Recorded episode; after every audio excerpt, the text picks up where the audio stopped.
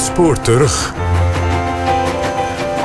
Ja, in 2010 kreeg de Engelse fysioloog Edwards de Nobelprijs voor in vitro fertilisatie, reageerbuisbaby. In Engeland werd al in 1978 de eerste IVF-baby Louise Brown geboren. Maar terwijl Edwards in Engeland pionierde, werd tegelijkertijd hetzelfde experimentele onderzoek en baanbrekend werk verricht in Nederland, in Rotterdam, in het Dijkzichtziekenhuis. En zonder enige hulp van de andere kant van het kanaal. Fysioloog Gerard Zeilmaker en gynaecoloog Bert Albeda werkten jarenlang tot ook in Nederland in 1983 succes werd geboekt met een geboorte. IVF was ooit heel moeilijk, omstreden en ingewikkeld en is nu voor velen een oplossing bij onvruchtbaarheid. En omdat Bert Alberda deze herfst met pensioen is gegaan, wil hij nog één keer vertellen over het begin. De weduwe van Gerard Zelmaker spreekt namens haar overleden man.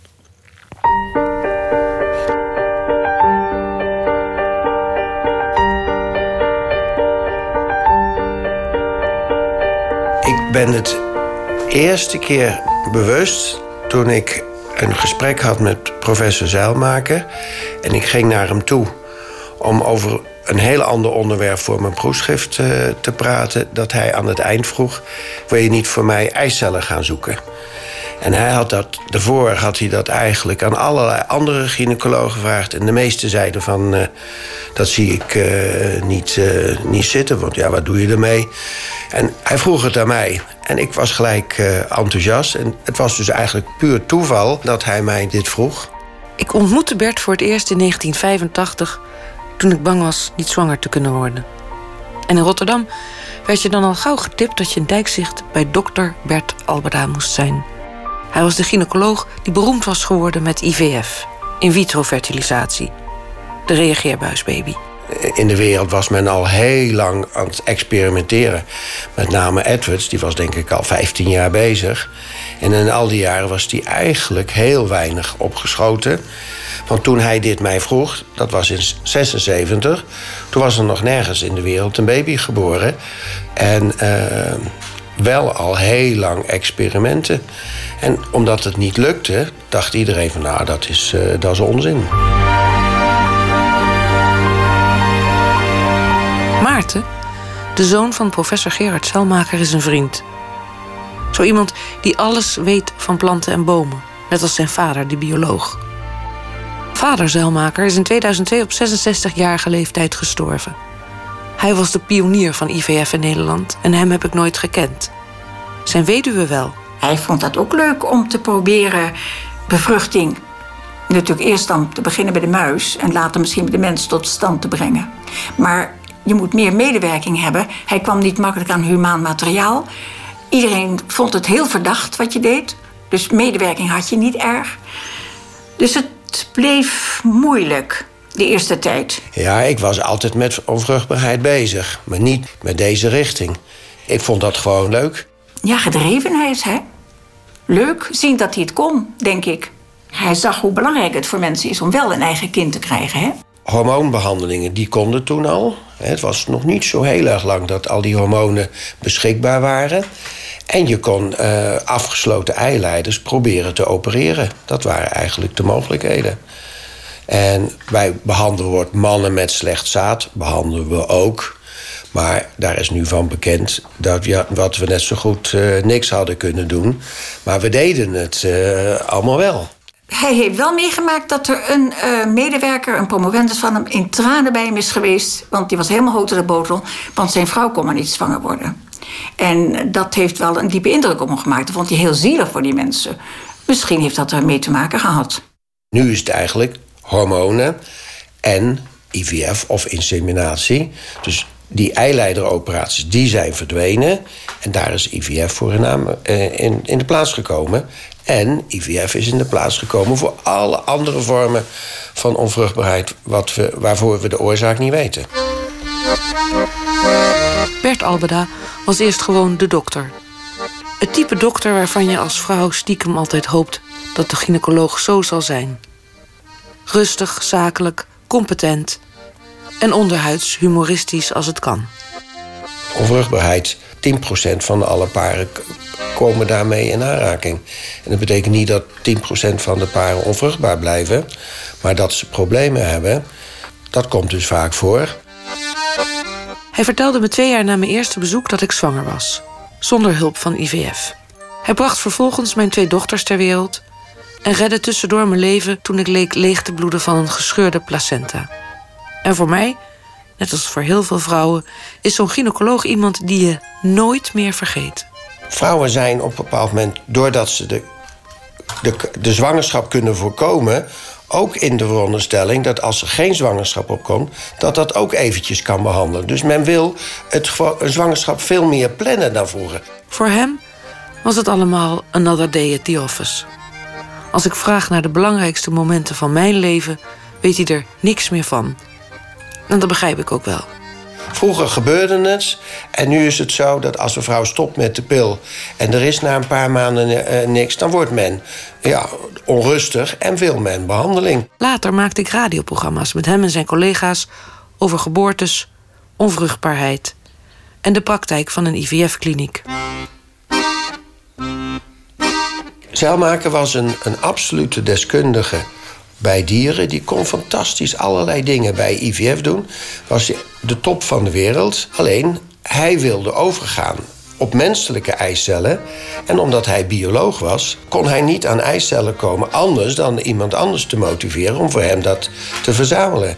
Nu, in de herfst van dit jaar, is hij met pensioen gegaan en ben ik al lang niet meer zijn patiënt. En nog één keer wil hij zijn verhaal over het begin van de IVF vertellen. Hij kende echt iedereen in de wereld die ook daarmee bezig was, dan met dieren.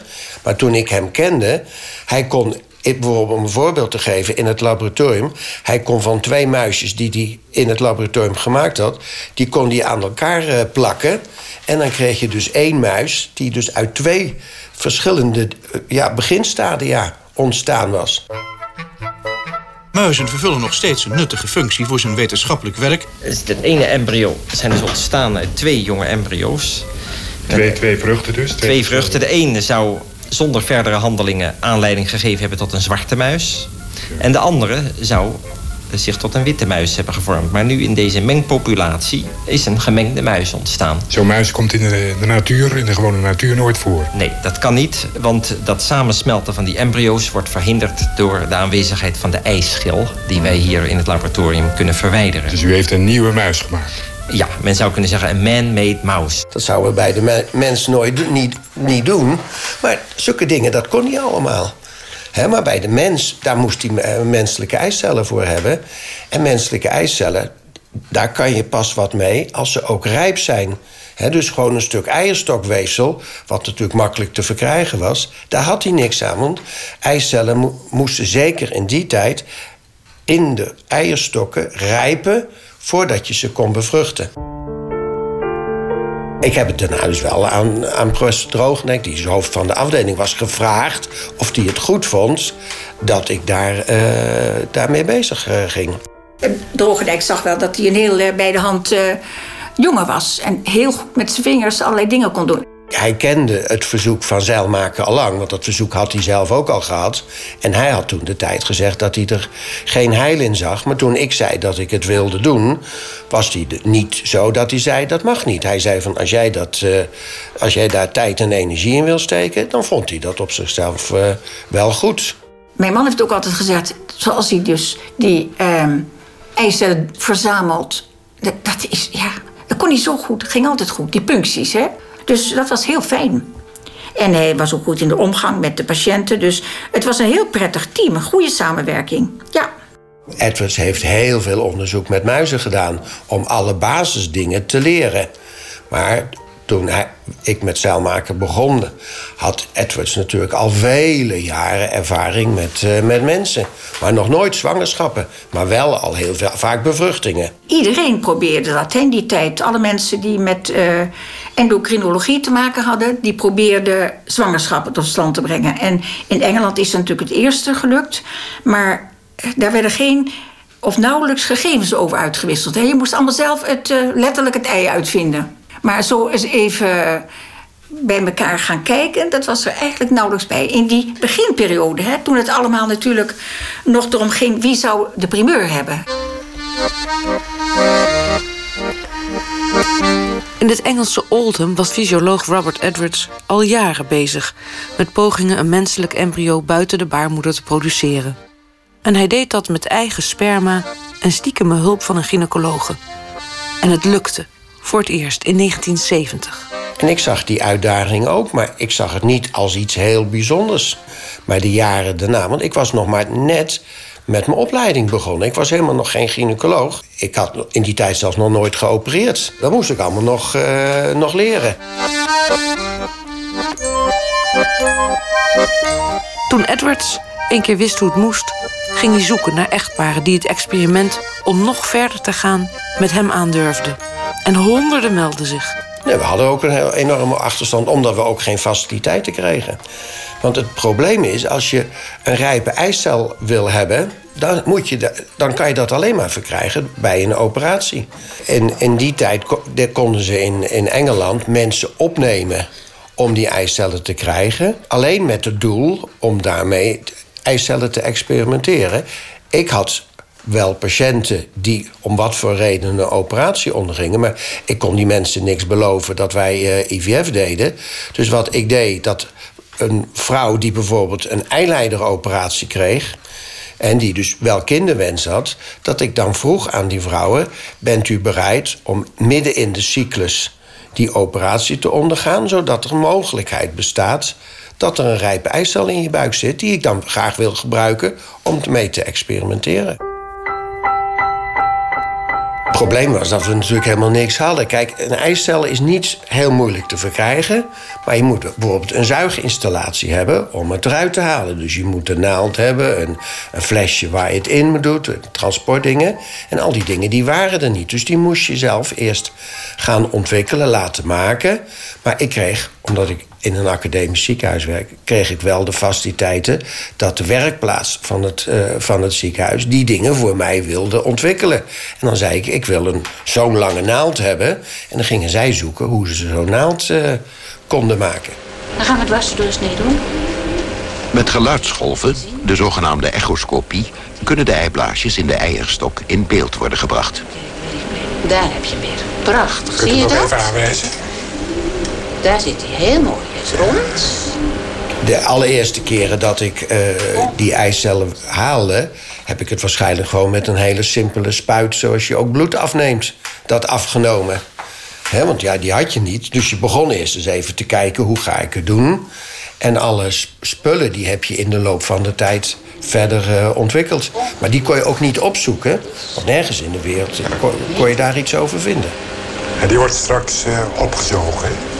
Ja, daar heeft dokter Alberda een prachtige aan. Een goed uur later, in een van de operatiekamers van het Rotterdamse Dijkzichtziekenhuis. De vrouw is onder narcose gebracht. De gynaecoloog, dokter Alberda, zoekt met kijker en tang in de buik naar de gesignaleerde eiblaasjes. Eens kijken, met, met de paktang kan ik dus de zaak een beetje manipuleren van binnen. Ik ben wel, maar praat ik over jaren later. Uh, Zeilmaker had een, uh, een vriend die hoogleraar was in, uh, in, in, Gothenburg... die ook met IVF aan het experimenteren was. En daar ben ik wel eens een keer een weekje geweest... om te kijken hoe, wat zij deden. Maar dat was allemaal in de periode dat we allebei nog geen zwangerschappen hadden. Maar dan kon ik wel kijken, hoe, doen, hoe proberen jullie dat? En uh, dat heeft me toen wel geholpen. Maar uh, ja, dat was het was eigenlijk de lammen die de blinden hielp. Want ook daar hadden ze nog geen zwangerschappen. Dus uh, ik kreeg geen adviezen die op zichzelf succesvol hadden horen te zijn. Men was natuurlijk ontzettend voorzichtig. Hè? En vooral de mensen uit de christelijke hoek waren heel voorzichtig. Die uh, vonden het helemaal niets. Bepaalde collega's uit christelijke ziekenhuizen die zeiden... maar Gerard, jij wil voor God spelen. Dat kan toch helemaal niet? Dus zo bedacht men dat. Zo was het. Nou, ja, dat is ook niet leuk als mensen zo tegen je gaan fulmineren. Hè? En dat was dus uh, wat gebeurde. Je, je, werd echt uitgemaakt voor uh, onprettige dingen. Heeft hij nooit over gezeurd, maar hij had er wel last van. Tuurlijk. Hij vertelde het gelukkig ook wel thuis. Dat het goed als je een uitlaatklep hebt. Hij kon het thuis van kwijt. Hij heeft nooit echt geklaagd. Maar dit was natuurlijk toch wel ja, mensen die je altijd op congres hebt gezeten... en die dan opeens gaan bellen en uh, ja, toch je verwijten dat je voor God speelt. Wat je helemaal niet van plan bent te doen. Je wil alleen mensen helpen. Dus in die tijd, misschien dat eerste jaar, heb ik misschien vijf of zes keer uh, hem eicellen kunnen leveren. Zo weinig was het maar. Want dat was mijn hoofdtaak niet, de IVF te gaan doen. Het was een, uh, een bijzaak. He, dat is, ja, hij was altijd hebberig en wilde meer. Omdat hij meer wilde onderzoeken. Maar ik had daar ook geen tijd voor. Ik heb gezien in 78 toen net dus eigenlijk het allereerste begin was... dat we netjes het onderzoek hebben gemeld dat we dat deden. Dus wij, wij hadden gemeld dat we eicellen wilden maken... om te kijken hoe het bevruchtingsproces ging. Nog niet om dat terug te plaatsen. Pas toen we voldoende ervaring hadden, maar dat was jaren later... toen we terug wilden plaatsen... toen hebben we de medische ethische uh, ingeschakeld om, om toestemming te krijgen. Wat wij allemaal gedaan hebben, dat zou nu niet meer mogelijk zijn. Want wij deden dat eh, heel eerlijk naar de patiënten toe. Dus de patiënten wisten precies wat we deden. Maar dat werd niet allemaal door allerlei andere mensen getoetst of dat wel goed was. En de mensen hoefden geen informed consent uh, te tekenen of iets dergelijks. Ik vroeg het aan de mensen. Mensen wisten precies wat we deden, maar niet uh, met allerlei. Uh, externe controles of het allemaal juist was. Ik vroeg het hoofdzakelijk aan mensen die vruchtbaarheidsproblemen hadden. En de meeste mensen vonden dat goed. En want een van mijn argumenten was: als u mij nu helpt en het lukt, dan kan je er misschien over jaren misschien daar zelf gebruik van maken. En dat motiveerde die me mensen vaak wel om, uh, om mee te werken. Wij deden er dingen mee. die, die, ja, op moment gingen we ze natuurlijk ook bevruchten. Eerst bevruchten met gewoon onbekend sperma... om het bevruchtingsproces te, zien. En toen we dat redelijk onder de knie hadden... lieten we meestal de echtgenoot het sperma brengen. En dan motiveerden we dat. Dan konden we zien of het sperma, die eicel, ook echt kon bevruchten. En de meeste mensen wilden dat ook wel. Op de Erasmus Universiteit in Rotterdam probeert men al jaren om toch een bevruchting tot stand te brengen. Maar dan buiten de baarmoeder. Als iemand een, een, een open buik had, hè, dus er wordt een eileideroperatie gedaan, dan was het dus heel simpel om die eicel uh, op te zuigen. En als ik dan klaar was met de operatie, dan had ik die eicellen, of de vloeistof waar die eicellen in zat, in een doosje uh, opgeslagen. En dan ging ik met die eicellen naar het laboratorium van Zeilmaker. En dat was dan uh, toch al zeker van tien minuutjes lopen. En dan leverde ik daar de eicellen af. Gingen we samen zoeken of er eicellen gevonden waren. En ja, als we dan wat gevonden hadden, dat was natuurlijk uh, top. Want we hadden ook heel vaak dat we niks hadden. En we hadden ook heel vaak dat als ik zo'n operatie deed... dat het niet op de goede dag gepland was. Want die mensen die plande ik dus eigenlijk al in het operatieprogramma... 14 dagen tevoren. En dat probeerde ik te plannen op de dag dat ik dacht dat het te gunstig was. Maar daar zat ik heel vaak naast. Nu is het zo dat de, uh, de dag dat we de eicellen eruit halen... dat wordt twee of drie dagen van tevoren gepland. Dan zit je uh, eigenlijk altijd goed. Maar als je dat veertien dagen van tevoren doet... dan zit je er heel vaak naast. Nou de eerste baby is in 78 begonnen. En in de periode dat wij eigenlijk experimenteerden tussen 76 en 81... in die periode kwam dus aan het licht dat het inderdaad... een potentieel goede behandeling was. Dus wij wilden vanaf dat moment, als de mogelijkheid zich voordeden... die embryo's niet weggooien, maar terugplaatsen. This is Mrs. Leslie Brown, who is now 38 weeks pregnant, and she's had a persistent toxemia. All our tests have shown that the growth of the baby is satisfactory.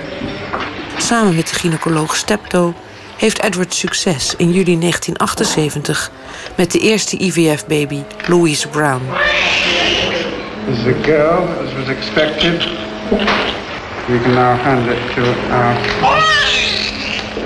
the baby cried at 20 seconds. Past meconium, normal. Edwards is, was later heel open. Maar toen hij die eerste twee kinderen had gekregen... want eigenlijk was het maar één kind... het tweede kind kwam pas veel later naar voren... toen wou hij een privékliniek beginnen. Want hij was zo erg tegengewerkt dat hij bezig was met geld verzamelen. En hij dacht, ik krijg dat beter van de grond als mijn idee uniek is. Dus hij wilde helemaal niets vertellen tussen 78 en 80. En ik ben op een congres in 79 in Venetië geweest. En daar hield hij het verhaal dat hij succes had gehad. En alle vragen uit de zaal. Heb je dat gebruikt of heb je dat gebruikt? Daar zei hij allemaal op dat hij daar niks over kon zeggen. En dat was allemaal omdat hij een grote kliniek in Bornhal aan het oprichten was.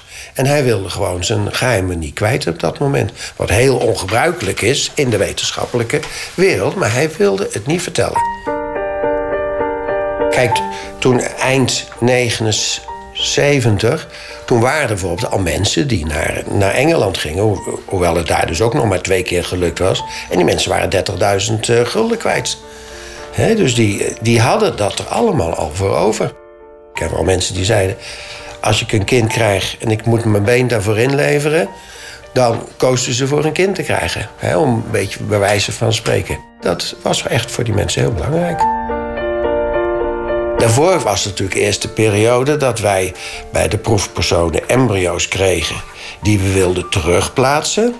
En die mocht ik dan niet terugplaatsen. En toen zijn we in 81, zijn we dus aan de directie van het ziekenhuis en ook aan de ethische commissie gevraagd of we ze mochten terugplaatsen. Maar op dat moment waren er nog maar twee kinderen in de wereld geboren. En het eerste wat de medische ethische commissie vroeg: kunnen jullie ons garanderen dat die kinderen gezond zijn? Wat je wel deed, is bij de muizen is het gebruikelijk om het zo en zo te doen. Dus laten we bij de mens in ieder geval beginnen om het ook zo te doen. Dan uh, heb je de meeste kans uh, dat het lukt. Aan de andere kant, de mens is wel het meest makkelijke proefdier wat er is. Want vrouwen, als je iets vroeg en ze wouden meewerken, dan hielpen ze ook. Terwijl een muis, ja, die helpt niet mee bij de IVF, die werkt tegen. Maar die vrouwen die je vroeg, nou, die kwamen netjes om uh, op de goede dag. Die kwamen hun injectie halen. Dus wat dat betreft werkten de mensen wel heel, heel goed mee om het uh, van de grond te krijgen. De eerste vijf jaar deed ik niks anders dan mensen vragen en uh, eicellen doen. En in het eind van die vijf jaar hadden wij natuurlijk regelmatig embryo's van die mensen zelf, die ik wilde terugplaatsen, maar daar hadden we geen toestemming voor. Wat we gebruikten uh, was in die tijd wat wij noemen embryotoxisch. Dat betekent en met name als je plastic materiaal gebruikt, daar zaten vroeger heel veel weekmakers en allemaal stoffen in. Die, uh, die dan, als je daar een vloeistof bij doet, in die vloeistof kwam. Zodat die eicellen of de zaadcellen doodgingen. Dus we moesten allemaal materiaal uh, zoeken waar die stoffen niet in zaten en waarbij je dus veilig kon, uh, kon werken. He, zo moest elk slangetje getest worden. en dat was bijvoorbeeld met naalden. Wij moesten hele lange naalden hebben die werd dan op de werkplaats voor mij gebruikt, gemaakt. En tegenwoordig is het zo dat als je een naald gebruikt hebt, hebt, ga je die niet bij de volgende patiënt gebruiken. Maar het was zoveel moeite geweest om die naald te maken en te slijpen. Dus ik ging die naald, nadat ik hem gebruikt had, liet ik hem schoonmaken, uiteraard steriliseren enzovoort. Maar ik gebruikte die naald dus wel uh, 10, 20 keer omdat je gewoon, ja, je kon geen naalden kopen. Die moesten speciaal voor je gemaakt worden. Dus je ging oude naalden hergebruiken. Tot 81 wist heel Nederland niet dat wij ermee bezig waren. Behalve dan die individuele patiënt die ik gevraagd had om aan het experiment mee te doen. En een aantal mensen die mij daarmee zagen worstelen. Maar niet, uh, wij kwamen er eigenlijk niet mee naar buiten. Omdat wij geen succes hadden, kon ik niet zeggen: ik wil dat deze week de operatiekamers gereserveerd blijven uh, voor het eerste uur, zodat ik precies op het laatste moment iemand op die operatiekamer kan uh, zetten. Nee, ik moest eerst bewijzen dat ik wat kon en daarna kon ik pas eisen stellen dat we wat deden. Want om een voorbeeld te geven, toen we een paar jaar later waren en we iets met de IVF konden, had ik natuurlijk ook vaak dat ik in het weekend zo'n kijkoperatie wilde doen. En dan moest ik de anesthesie overtuigen. En die zeiden van, nou ja, dat is helemaal geen spoedoperatie. Ik vond het spoedoperatie, want ja, als ik het tot het weekend, na het weekend uitstel, waren die eicellen weg. Dus ik wilde in het weekend zo'n kijkoperatie doen. En de anesthesisten zeiden, ja, in het weekend doen we eigenlijk alleen maar spoedgevallen. En het was dus heel lastig om hun te motiveren... om daar speciaal voor in het weekend te komen. Het in het laboratorium verkregen embryo wordt uh, geplaatst in een glazen ampul. En die ampul, daar wordt een koude beschermende stof aan toegevoegd... zodat het levende weefsel de koeling kan doorstaan.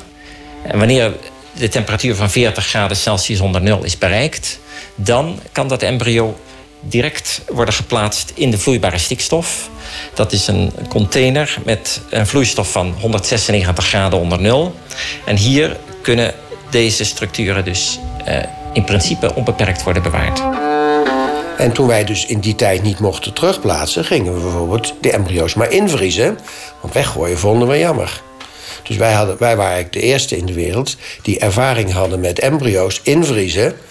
Maar dat kwam omdat wij ze niet mochten terugplaatsen. En in die andere klinieken werden ze wel teruggeplaatst. Er waren in die tijd, denk ik, toch wel uh, 10, 15 klinieken in de wereld... die ook aan het experimenteren waren. Ja, de Medische Ethische Commissie die heeft daar anderhalf jaar over gedaan. En in die periode kwamen er uit andere plekken in de wereld meerdere berichten dan die twee embryo's of die twee zwangerschappen van Edwards.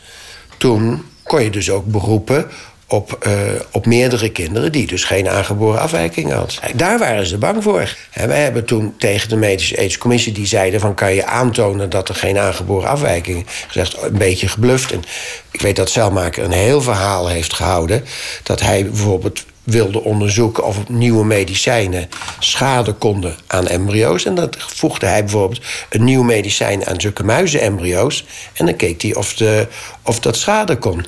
En het was altijd, volgens de definitie, alles of niets. Of de embryo's gingen dood, of de muisjes die eruit kwamen, die hadden geen afwijkingen. En wij zeiden ook, als wij dus in dat stadium met die embryo's wat doen, dan gaan wij ervan uit dat het geen schade doet of dat het embryo doodgaat, dat er geen zwangerschap optreedt. Ik had best wel een beetje het, de angst dat er toch iets zou zijn. Maar ja, uh, als je dat uitsprak, ik snapte best dat de medische ethische commissie daar wel moeite mee hadden. Want er was geen uh, bewijs. Maar ook bij de muizen, bij andere dieren, had men nooit schade daarvan uh, gezien. Er is een nieuwe fase in zoverre dat wij wat meer vertrouwen in het uh, onderzoek hebben gekregen door goede resultaten in het laboratorium. En in de tweede plaats, uh, doordat uh, we bijna uh, zeker formele toestemming hebben voor het terugbrengen van de in het laboratorium uitgegroeide jonge embryo's. Dat betekent dus dat de weg vrij is naar de eerste Nederlandse reageerbuisbaby, begrijp ik? Ja, die weg is dan vrij als we met wat goed geluk een resultaat kunnen boeken toen het dus het, we maar geen toestemming kregen, was Zeilmaker het op een bepaald moment wel een beetje beu. En toen heeft hij het dus aan de, aan de media uh, laten uitlekken. Want daarvoor was het geheim. En dan werd er gezegd: we gaan binnenkort beginnen. En dan kwam er aandacht aan en hij had het idee dat geeft wel druk op de medische ethische commissie om wat uh, sneller te gaan. Want wij hebben ik denk na een half jaar nadat we de toestemming hadden gevraagd, heeft Zeilmaker de media al, uh, al, al ingelicht dat wij van plan waren om te beginnen. In het begin niet, maar als het vordert en er is publiciteit over geweest, dan uh, worden de media gewoon lastig. Hè? Die komen elk moment vragen hoe ver je bent. Dat werd echt op het lastige af hoor. En uh, Op een gegeven moment is daar... Ja, ze hadden ook geen secretaresse ertussenin zitten. Ze kwamen ogenblikkelijk bij Gerard terecht. En dan uh, wilden ze natuurlijk weer nieuwtjes hebben. Ja, er waren niet altijd nieuwtjes. En daar word je ook gespannen van. Iedereen zit te wachten tot er wat gebeurt. We hebben in de zomer 81 toestemming gekregen. En toen zijn we aan het eind van 81, heb ik net voor kerst, heb ik de eerste patiënt uh, geholpen. En toen dus in 82 zijn we pas echt, echt begonnen. En de allereerste succesvolle behandeling was in mei 82. En toen in augustus 82 is mevrouw, uh, mevrouw Lee met succes behandeld. En dat was denk ik zo de 25ste behandeling in die orde. En daarvoor is het allemaal mislukt. En er gebeurde natuurlijk eerst helemaal niks, want elk moment was weer een vrouw niet zwanger. Totdat ze wel zwanger was, op een gegeven moment. In Rotterdam werd een voorlichtingsdag gehouden over in vitro fertilisatie, oftewel reageerbuisbevruchting. Men verwachtte daar zo'n 250 mensen, maar er kwamen bijna 1600 aanmeldingen, waarvan men er maar 1000 kon onderbrengen. Toen zijn wij gaan zeggen naar de buitenwereld: wij beginnen ermee. En toen moesten de mensen zich aanmelden. Want alle mensen die zich toen aanmelden... die melden zich eigenlijk als proefkonijn aan. En toen kwam het grote probleem. Ik, want in die tijd was dat allemaal met de kijkoperatie. Ik moet toestemming krijgen om zo'n kijkoperatie bij je te mogen doen. En dan zei de, met name de ziekenfonds, die daar geven wij geen toestemming voor. Voor de vele duizenden mensen die op de wachtlijst staan... betekent dat nog langer wachten. En eenmaal aan de beurt zullen de meesten de poging zelf moeten betalen. En dat kost zo'n 4.500 gulden per keer. En meestal zijn er meerdere pogingen nodig voordat men succes heeft. Bijna iedereen heeft dat ervoor over, maar er zijn er maar weinig die dat kunnen betalen. Dus ik had mensen die graag die operatie uh, wilden ondergaan, die graag de behandeling wilden hebben, maar ik kon dan niet beginnen. En ik kon wel de kosten van het laboratorium betalen, want daar hadden we wel mogelijkheden. Maar die mensen in de tijd die werden opgenomen voor een operatie. Dus die operatie, die kijkoperatie, die we voor heel veel andere dingen wel vergoed kregen, die werden hier niet voor vergoed. Wij hadden natuurlijk in beginfase hadden we de media opgezocht om te beginnen. En de media die gingen ons natuurlijk ook wel benaderen van... Uh, uh, kom op, wanneer uh, is de eerste? Dus dat, dat kwam al heel snel. Toen waren we eigenlijk nog niet begonnen.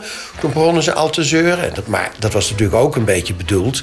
voor als je wel succes had... dat zij het primeurtje konden krijgen dat er een zwangerschap was. Dus ze benaderden je ook met, met dat doel. Want wij hadden natuurlijk gezegd dat we het konden. Hè, want dat was ook de reden dat we begonnen. En toen het dus die eerste half jaar niet lukte, was dat wel heel vervelend. Hè, want je werd ook in het ziekenhuis wel benaderd van... hé, hey, is het al gelukt? Wij wisten niet waarom het niet lukte. Ik denk dat de vloeistof die we gebruikten, die, dat die niet. Want de vloeistoffen die wij gebruikten, waar het in moest bevruchten, was allemaal vloeistof. wat uitgevonden was bij muizen. Nou, daar, die vloeistof moet heel zuiver zijn. Er moeten ook geen verontreinigingen in zitten. Nou, in die tijd was dat niet optimaal.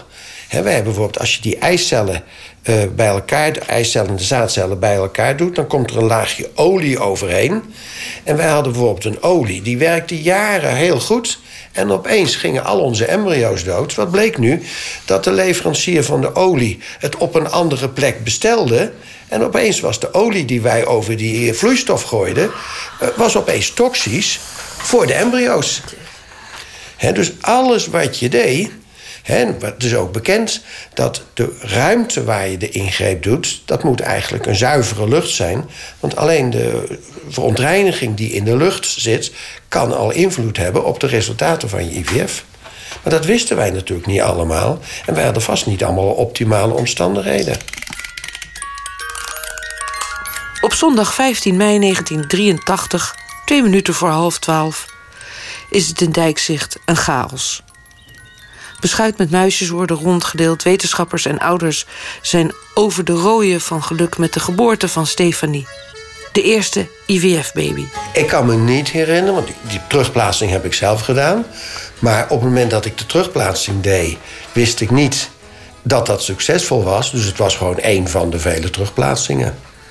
Dat ze zwanger was, hoorde ik ook pas later, want zij woonde in Assen. Dus zij heeft mij toen later uh, gebeld dat ze zwanger was. Ik weet wel dat ze toen bij drie weken over tijd gekomen is bij ons. En dat we toen met de echo gekeken hadden of het goed was. En zij is toen, want ze wou niet bij de gynaecoloog in Assen onder controle. Toen is ze bij een gynaecoloog in Groningen onder controle geweest. Maar aan het eind van de zwangerschap is ze overgegaan naar ons.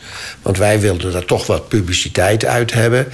En zij voelde zich verplicht om ons daar toch enigszins bij te helpen. Dus toen zei ze, nou, ik ga bij nader inzien toch wel bij jullie bevallen. Dus ik kwam helemaal uit Assen naar Rotterdam voor de bevalling. Ja hoor, dat was uh, natuurlijk ontzettend feestelijk. Ja, toen was het echt goed en die vrouw maakte het ook goed. Ja, meteen, dat was een, een succes. Ik denk niet dat hij erbij was toen zij op het spreekuur kwam om van Bert te horen dat ze zwanger was. Maar Bert zal het wel aan, aan verteld hebben, zoiets. Hè? Ja, ja. Ik was net toen die dag dat ze ging bevallen, was ik met het gezin in Zeeland een weekendje op vakantie. Dus ik kreeg het bericht dat ze bevallen was. Toen, en ik was er niet bij.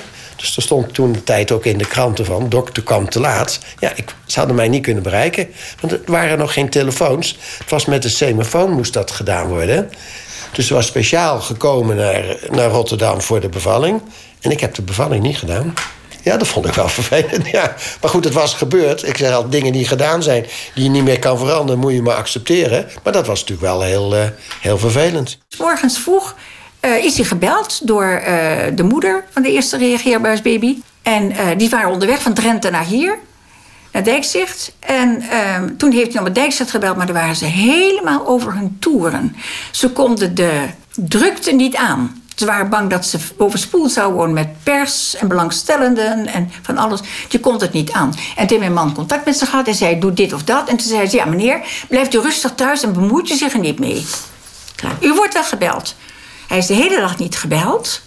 S'avonds toen de baby al ook vijf uur oud was, of zes uur oud was, was Bert inmiddels ook terug. Dus toen hij terug was, toen zei hij: Gerard, de baby is geboren. Nou, leuk natuurlijk. Dat was enig. En wij dus naar de persconferentie. Maar toen bleek dus dat die baby al vijf uur eerder geboren was. Maar dat hadden we helemaal niet gehoord. Kijk, dat, dat gebeurde dus. Dat is niet zo leuk, hè? Vind ik nog niet leuk eigenlijk.